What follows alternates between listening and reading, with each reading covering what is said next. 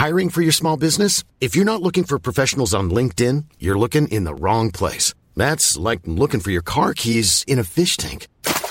LinkedIn helps you hire professionals you can't find anywhere else, even those who aren't actively searching for a new job but might be open to the perfect role. In a given month, over 70% of LinkedIn users don't even visit other leading job sites. So start looking in the right place. With LinkedIn, you can hire professionals like a professional. Post your free job on linkedin.com slash people today.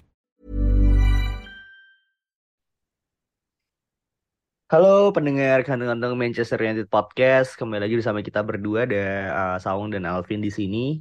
Dan setelah di episode kemarin gitu ya, kita sempat membahas bahwa hari Senin kemarin harusnya menjadi hari yang menyenangkan gitu ya, hari yang membahagiakan. Ternyata lagi-lagi MU kalah uh, 1-0 dengan performa yang sangat sampah gitu ya.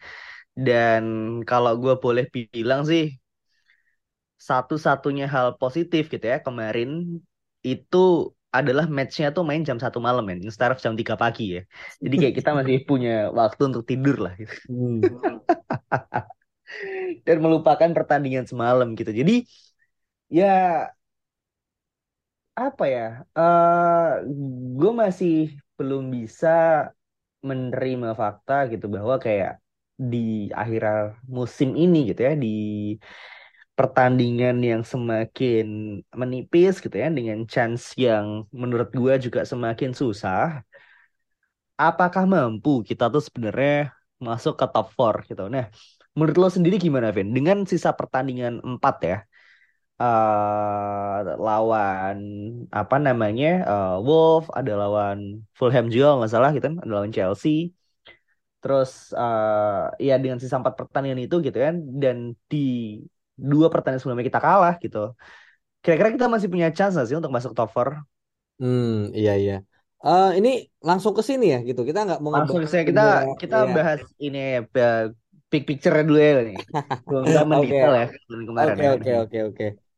gimana ya agak bingung ya karena gua rasa awalnya MU tuh bisa bounce back setelah kalah. Kan kita juga kemarin sempat bilang ya, kalau ya. MU ini mentalnya tuh biasanya bagus kalau um, apa namanya between games gitu. Tapi kalau in games memang lebih jelek gitu. Tapi ternyata memang kemarin in gamesnya pun berantakan gitu loh di uh, setelah 20 25 menit gitu. Jadinya ya yang kita harapkan kemarin bisa bounce back ternyata gagal gitu dan hmm. tidak terjadi. Nah, dari situ kan ya kita harus melihat gitu lawan di depan itu siapa dan kita punya tiga laga home, satu away, satu away lawan Bournemouth, home-nya kita lawan Wolves, Chelsea dan Fulham.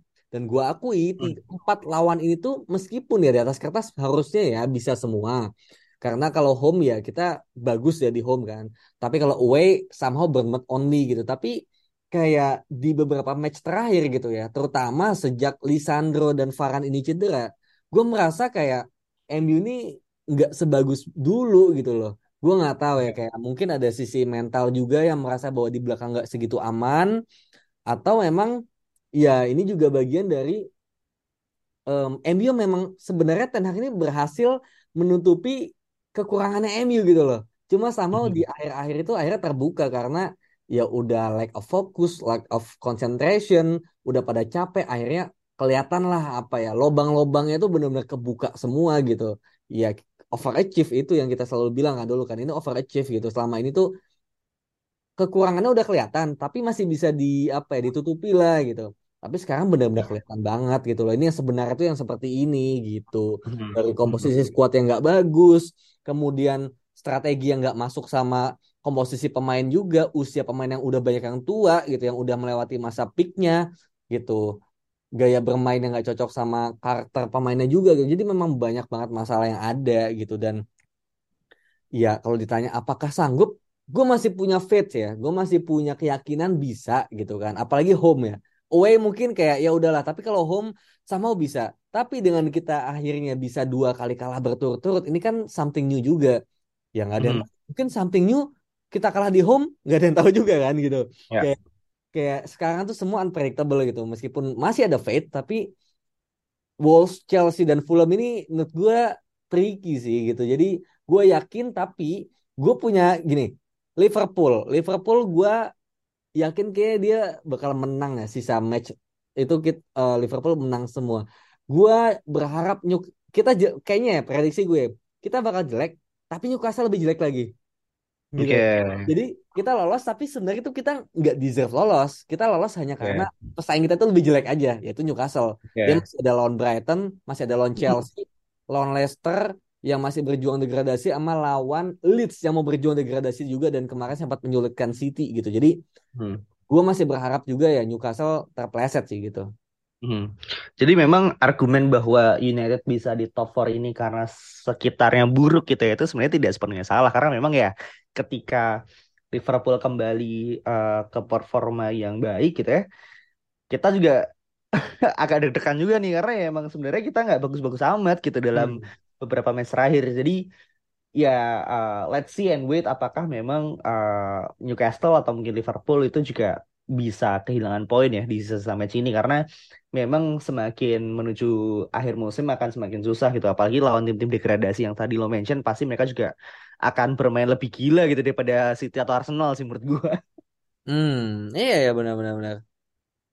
Gitu. Iya. Nah, kemarin uh, pertandingan satu kosong gitu ya dan juga uh, eh, gue tidak ingin menunjuk satu dan uh, lain hal gitu atau mungkin satu atau pemain yang lain karena memang secara kolektif semua bermain sangat buruk gitu ya.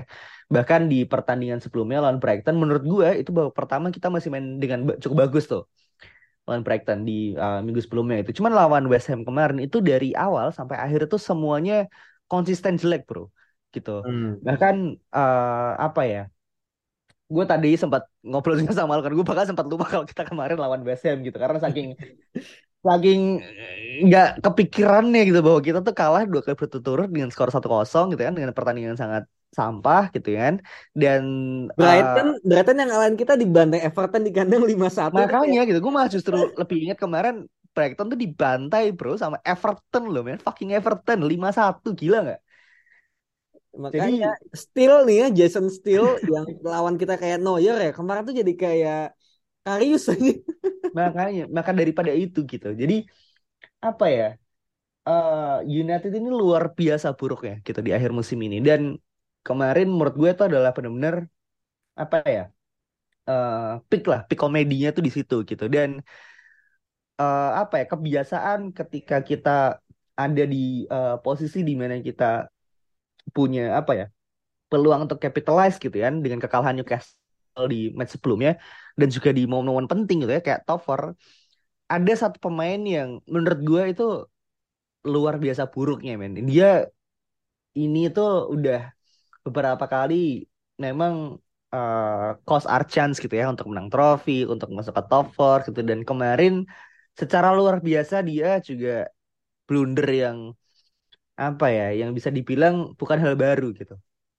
Dan kiper kita ini gitu kan si David De Gea ini gitu dengan uh, penyelapatannya yang sangat luar biasa gitu ya untuk menahan dengan Ben Rahman. Cuman emang kenceng banget kan itu Ben Rahman nendangnya kan. Oh iyalah gila itu power yeah. shot kan itu kayak. Power shot mungkin kayak Subasa pun kalah tuh, Bro.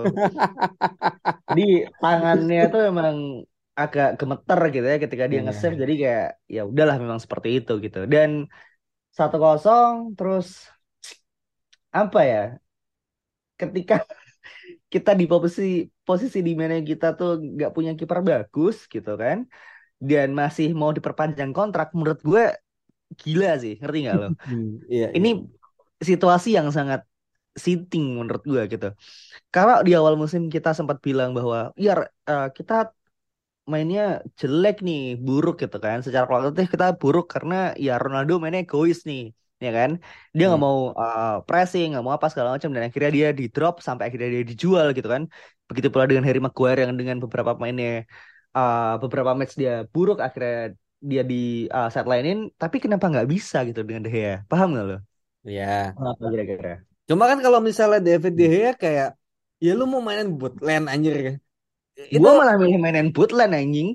Tapi kayak dia iya. pasti lebih punya fight daripada si kampret ini gitu ya apa ya gini ya gue gue ngerti ya gitu banyak banget di twitter yang bilang kenapa kalau Ronaldo dijual? gitu kan. Kemudian hmm. Maguire di drop gitu. Tapi kalau David De Gea kayak kasarnya mungkin kayak anti kritik gitu kan. Ya termasuk lu juga bilang gitu. Cuma gue merasa kayak um, kalau Ronaldo kan masih ada penggantinya masih ada Martial masih ada Rashford Weghorst juga gitu. Meskipun kualitasnya enggak ya cuma apa ya kayak ini lini depan gitu kan.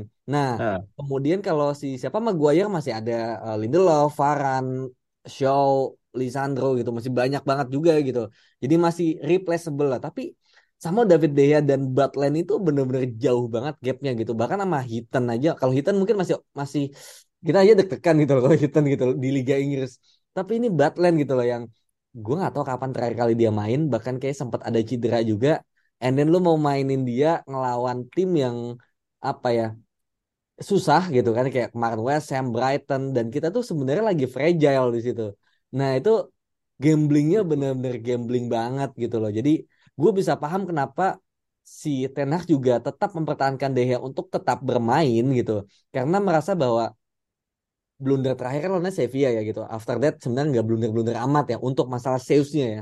Gitu. Jadi kayak hmm. Ya lu bare minimum aja lah gitu. Gue tahu lu cuma bisa sales tapi nggak bisa uh, apa jadi ball playing goalkeeper gitu. Nggak apa-apa lah. Lu du, bare minimum aja kita udah cukup gitu. Yang penting lu nggak kebobolan. Eh tapi sama kemarin kebobolan lewat hal yang dia jago kan sebenarnya kan. Ya. Nah kalau yang lewat dia jago aja udah kebobolan ya dia apa bagusnya lagi gitu. Ya, gue ngerti gitu. Cuma ya bisa dipahami kalau Butland ini memang kualitasnya jauh banget gitu sih. Nanti kalau Butland tiba-tiba blunder lagi kayak gimana bro lo mau mainin Vitek gitu atau Henderson ada, lagi ya, ada penalti lagi ya emang ya. Iya. Karena Henderson juga kita nggak bisa uh, panggil kan, dia juga cedera kan kalau nggak salah. Cedera, betul. Dan ya memang mungkin emang long over dua sih karena setelah pertandingan kemarin kita akhirnya punya uh, waktu seminggu gitu ya untuk istirahat yang terakhir gitu kalau nggak salah di bulan Oktober.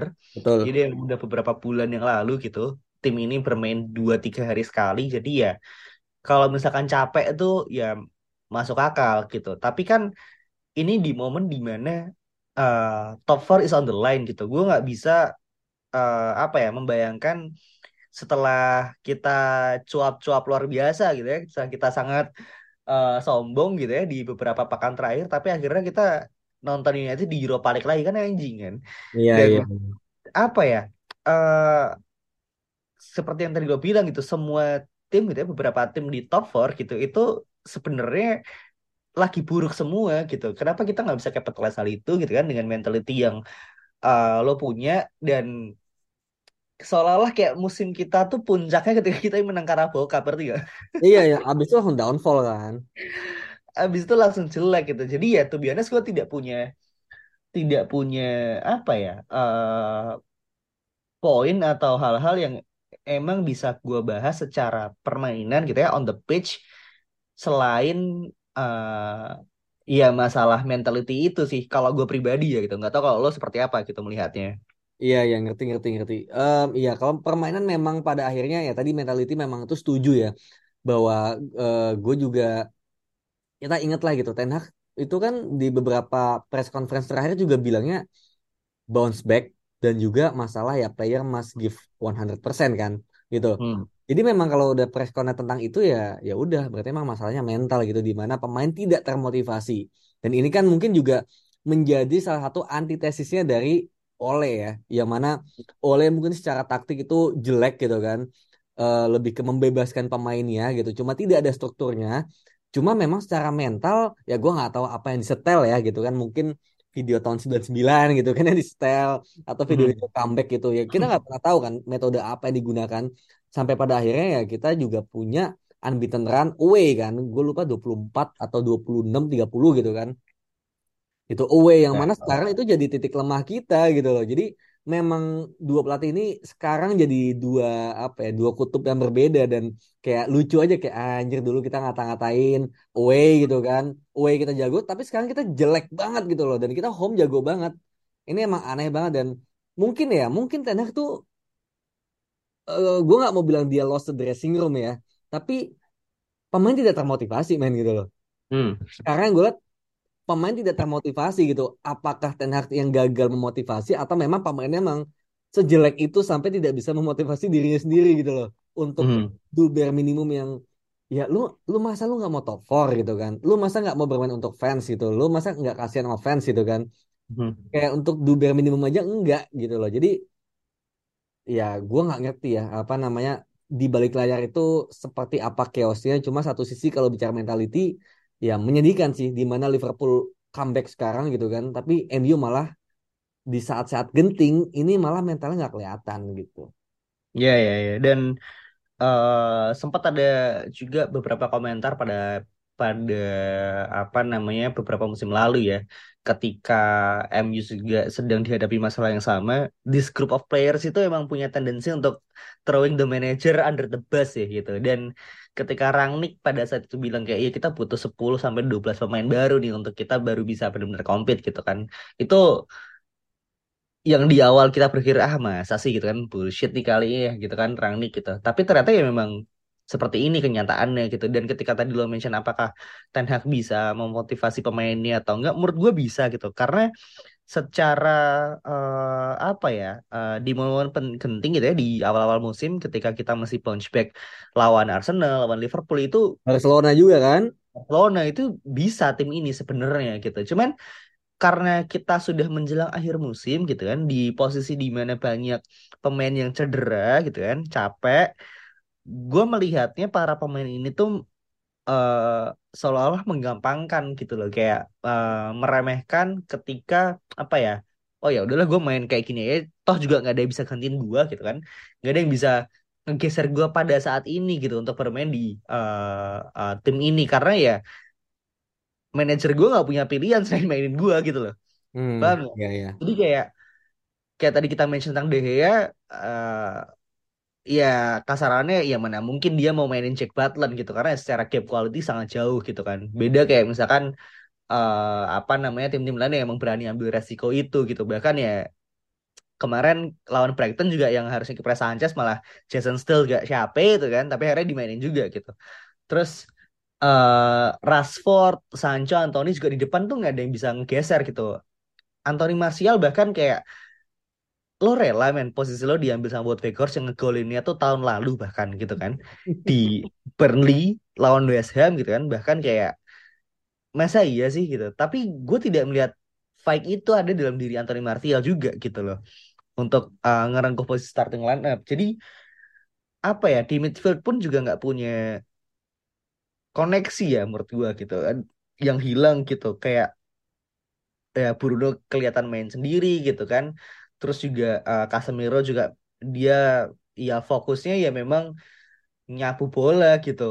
Ketika dia udah dapat bola ya lempar aja ke Rashford kan lemparnya ke Anthony. Jadi kayak tim ini mainnya tuh mau seperti apa sih sebenarnya gitu. Gue nonton pertandingan uh, apa ya uh, West Ham kemarin itu malah dia lebih punya pattern of play man daripada tim kita. Kan aneh banget ya. Hmm, hmm.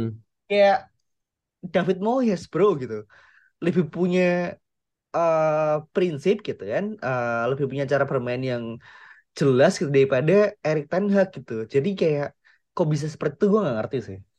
Iya iya iya. Understand understand. Memang ketika udah bicara mentality gitu ya kayak iya semua bisa berubah gitu loh. Kayak taktik itu bisa jadi nggak jalan Iya kan? Apalagi kalau udah di game-game genting pada akhirnya ya yang bermain mental kan gitu. Taktik tuh kayak oke itu menjadi sebuah basis aja sebuah pondasi aja gitu. Kayak filosofi yang sebaik apa ya dijalankan tapi ya mental udah lebih lebih jalan gitu. Makanya mungkin kemarin juga West Ham ya gue nggak bilang dia lebih ada polanya ya tapi at least fighting spirit itu ada.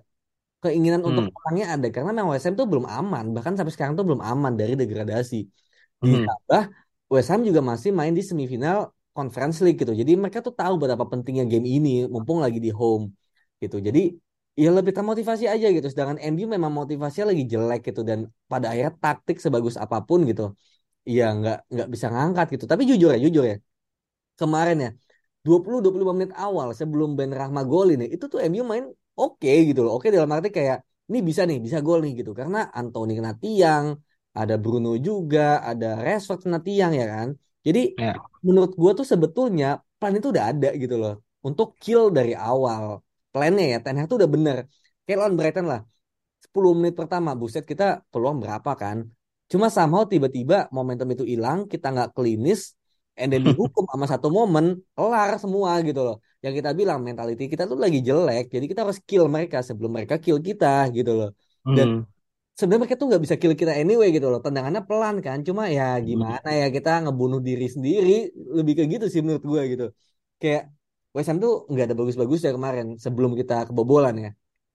Gitu. Jadi memang Nah, kesalahan sendiri yang bikin mental kita ya jatuh sendiri gitu. Tapi jujur kalau misalnya kita bisa lebih klinis lagi gitu di next matchnya em, di momen di mana kita masih eh, equal ya 0-0 kita bisa golin duluan itu itu moral kita naik gitu loh. Dan semoga ya ya sekarang PR-nya lebih kepada oke mentalnya sebetulnya dijaga tapi please klinis gitu loh. Klinis satu aja gitu.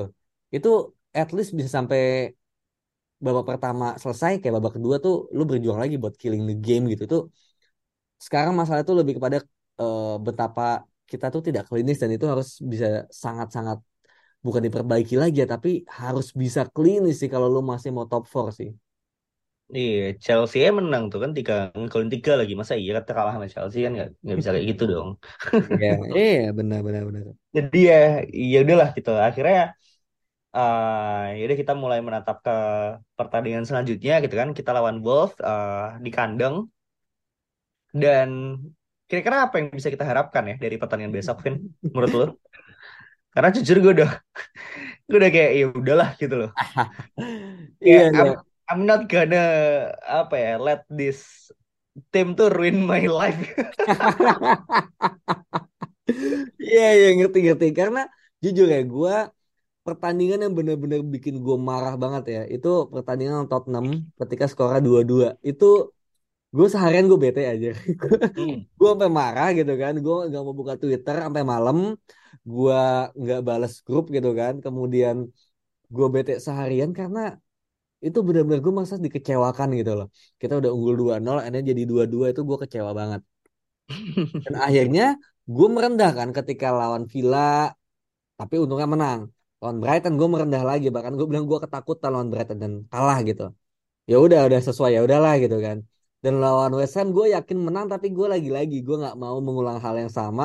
Apalagi tuh mainnya jam satu pagi hari Senin kan. Ya kali tiba-tiba nggak jadi ngantor gitu kan atau tiba-tiba macet-macetan kan. Jadi ya udahlah pengennya menang tapi kalau kalah ya nggak heran lah ya gitu. Dan ya. Nah, gitu kan. Jadi gue kayak gue pas kebobolan tuh udah kayak ah anjing nih udahlah nggak akan menang nih. Apalagi sejak itu tuh MU mainnya jelek banget. Kayak kok jadi kayak lu udah unggul 2-0 gitu loh padahal lu lagi tertinggal gitu. Jadi bener yang lu bilang kita udah nggak bisa berharap lagi sama tim ini gitu. Kayak ya udahlah kita nonton buat for fun aja nggak usah terlalu baper nontonnya. Karena lu bakal kecewa men gitu loh.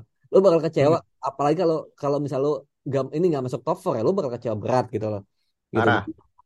jadi kayak gue sekarang juga mindsetnya sama ya kayak lu gitu. Sama ya mungkin buat teman-teman lainnya kayak udahlah ini kita for fun aja. Kalau masuk top 4 ya syukur. Kalau enggak kayak apa namanya ya terima aja. Main main Europa League lagi malam Jumat Ya. lagi gitu. Gitu sih. Jadi harapan gue adalah ya para pemain juga tidak bermain untuk dirinya sendiri ya. apalagi ya dia mereka tuh udah diberi libur dua hari untuk pertama kalinya nih ya sejak bulan Oktober atau September itu dapat libur yang proper gitu yang between games ya jadi semoga ini liburnya ini juga benar-benar digunakan sebagaimana mestinya ya gitu Tuh. recharge untuk bagaimana memotivasi diri sendiri dengan keluarga bisa kembali nanti ketika latihan dan bermain tuh benar-benar bisa menunjukkan yang terbaik apalagi bermain di Old Trafford gitu ya kali lu mengecewakan mereka kayak menurut gua lawan West Ham kayak ya udahlah ya udahlah gitu oke West Ham tapi ini lawan Wolves di kandang gua nggak bisa terima apa pun sih selain tiga poin menurut gue Setuju gue. Dan apa ya? Ya gue sih berharap eh, ini nanti setelah libur ya, libur cukup panjang selama satu minggu ini harusnya punya eh, kesadaran gitu ya, entah mereka nggak bisa tidur waktu malam atau mungkin mimpi buruk gitu kan untuk denger anthemnya Europa League lagi. Jadi kayak harusnya sih eh, ini ya ada motivasi lebih lah untuk mengalahkan Wolves dan akhirnya dapat tiga poin gitu. Itu sih yang uh, terutama gitu. Jadi gue nggak peduli apa yang Ten Hag nanti mau lakukan, lakukan gitu kan.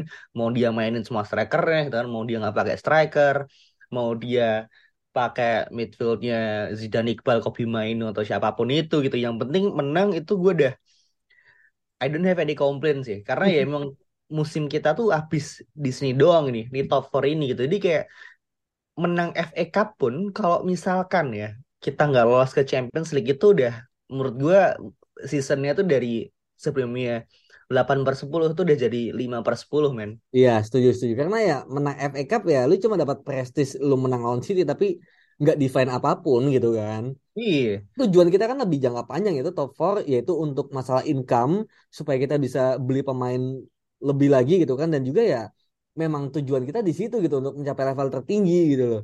Jadi kalau misalnya nggak dapet top 4 tuh kayak wah anjir sih gue bodo amat sih lawan City nanti mau dibantai 5-0 yang penting gue yang penting top 4 sih tetap. Ya setuju gue.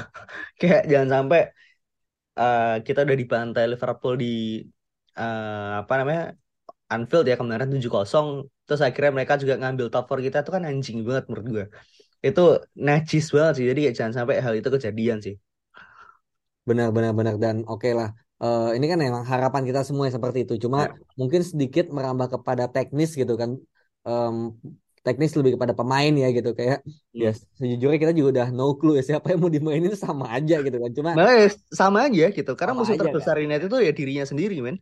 Betul betul betul. Iya ya benar-benar. Tapi ya kita tetap lah ya harus mencoba berpikir gitu kan dari sisi fans gitu kan. Karena mungkin juga banyak yang pengen dengar gitu. Kalau kita pengennya hmm. tuh lihat siapa sih gitu. Kemarin kan uh, kejutannya ternyata Malaysia main kemudian hmm. ada Wat Weghorst jadi pemain nomor 10 gitu alih-alih nomor 9 yang mana sejujurnya menurut gue ya menurut gue pribadi sebelum kebobolan itu Weghorst mainnya efektif gue nggak bilang dia bagus tapi efektif gitu karena hmm. gue sempat bilang ke lu bahwa West Ham ini bakal mainnya dan lu juga bilang ya bahwa West Ham ini kuatnya di tengah kita harus main hmm. kuat di tengah bisa mengimbangi karena bola atas dan menang duel juga bagus hmm. si West Ham tapi kita prediksi mungkin Sabitzer waktu itu karena main kan. Tapi ternyata Weghorst ya. main gitu dan oke okay, oke okay, kok sebenarnya gitu sampai kebobolan ya udah hancur semua gitu loh. Jadi um, menurut lu sendiri gitu mungkin untuk line up mulai dari back four kemudian juga lini tengah dan lini depan gitu kan. Ini hmm. siapa nih yang akan bermain Wolves yang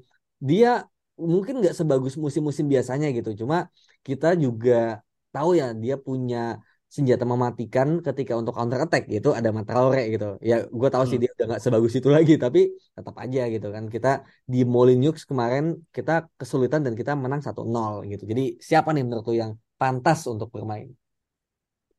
Yang jelas gue tidak ingin melihat uh, Weghorst atau Martial itu main sebagai starter gitu kan sebagai striker. Gue nggak mau lihat itu gitu. Gue pingin Rashford main sebagai striker dan di kiri uh, entah Sancho atau Alejandro Garnacho sih. Karena uh, apa ya United pasti akan main terbuka dari awal gitu. Akan akan pasti akan ngegas dari awal gitu. Dan ketika kita nggak punya pemain yang klinis gitu ya di depan gawang semua chance itu akan sia-sia menurut gua gitu. Dan Weghorst ataupun Martial di musim ini itu sama sekali tidak punya output yang meyakinkan gitu ya untuk bikin United itu unggul di awal gitu. Jadi kayak daripada lo ngebuang uh, apa namanya Rashford gitu kan katakanlah di sisi kiri, lo pasang aja dia langsung di striker gitu kan. Kirinya lo pasang Garnacho gitu karena kemarin kan dia juga udah uh, di bench gitu kan. Dan dia juga dapat uh, libur seminggu. Gua rasa dia udah cukup siap untuk main sebagai starter gitu. Yang pertama, yang kedua, uh, apa ya? Midfield ya Casemiro udah pasti akan akan main gitu karena kita nggak punya pilihan lagi gitu kan di defensive midfield.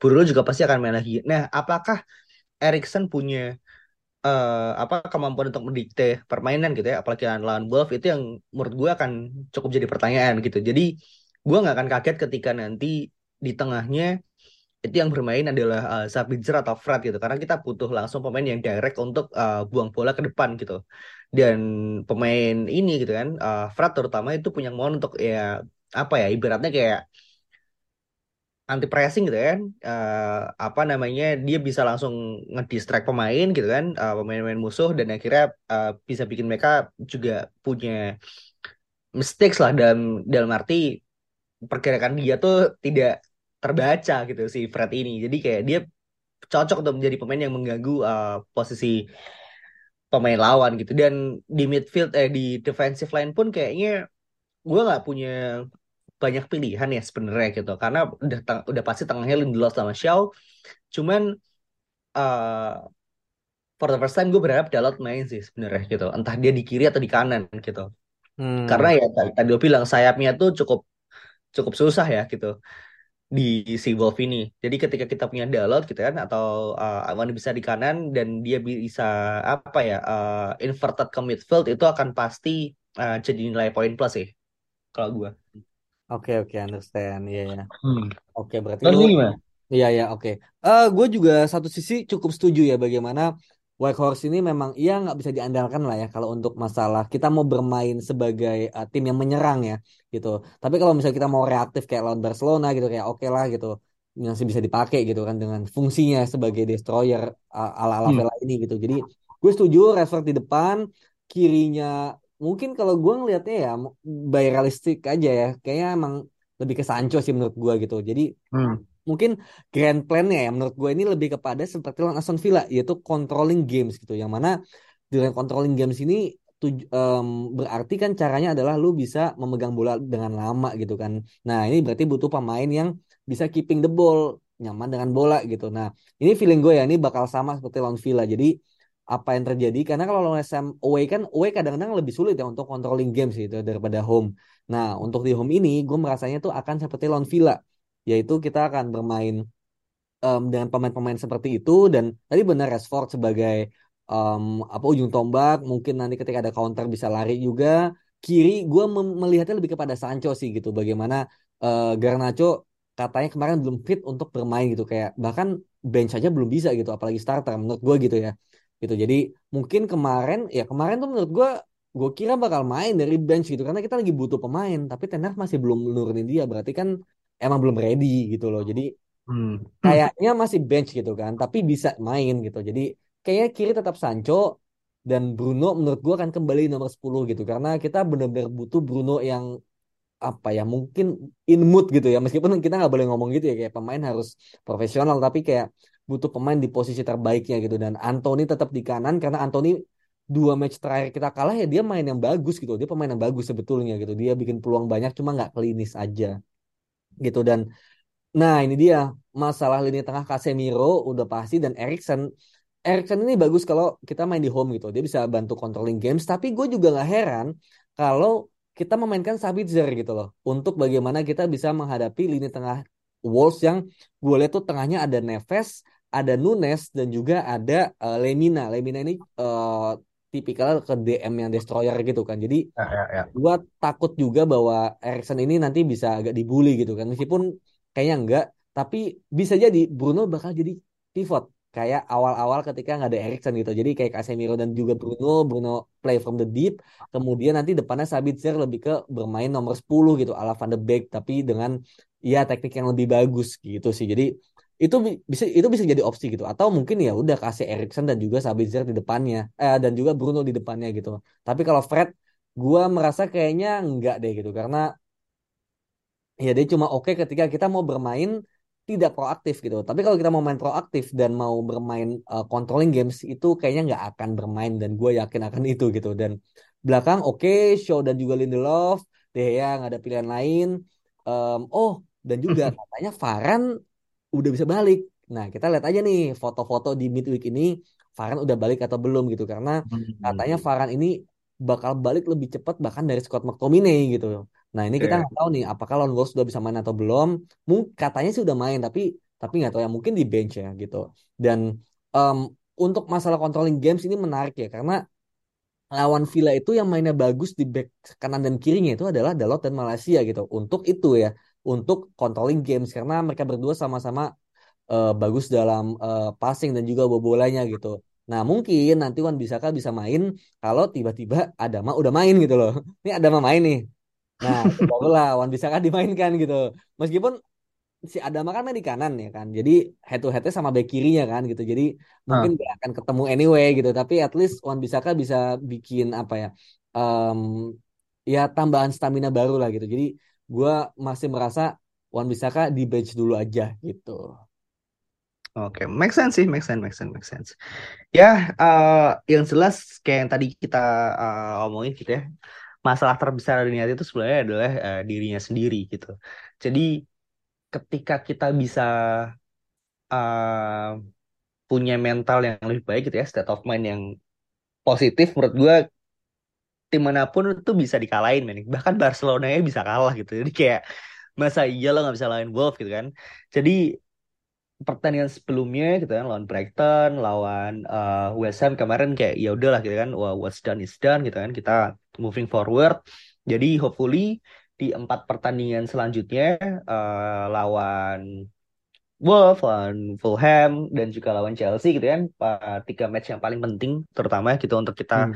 Raih poin penuh kita bisa maksimal sih gitu dan tentu walaupun gue tidak suka ya sebenarnya berharap seperti ini ya kita juga tentu berharap tim kayak Newcastle dan juga Liverpool ini buang-buang poin sih betul betul, betul. kita kita kita kita berharap karena Newcastle ini mainnya uh, paling pertama kan di weekend ini kan ya.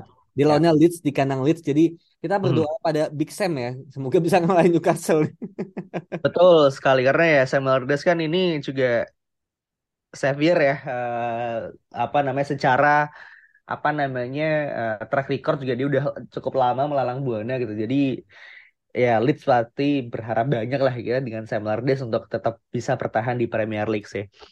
Dan eh gue berharap antara West Ham gitu kan uh, mungkin degradasi gitu ya karena udah mengambil tiga poin. Dan juga Brighton juga lu nggak usah lah main di Eropa gitu kan bocah gitu kan.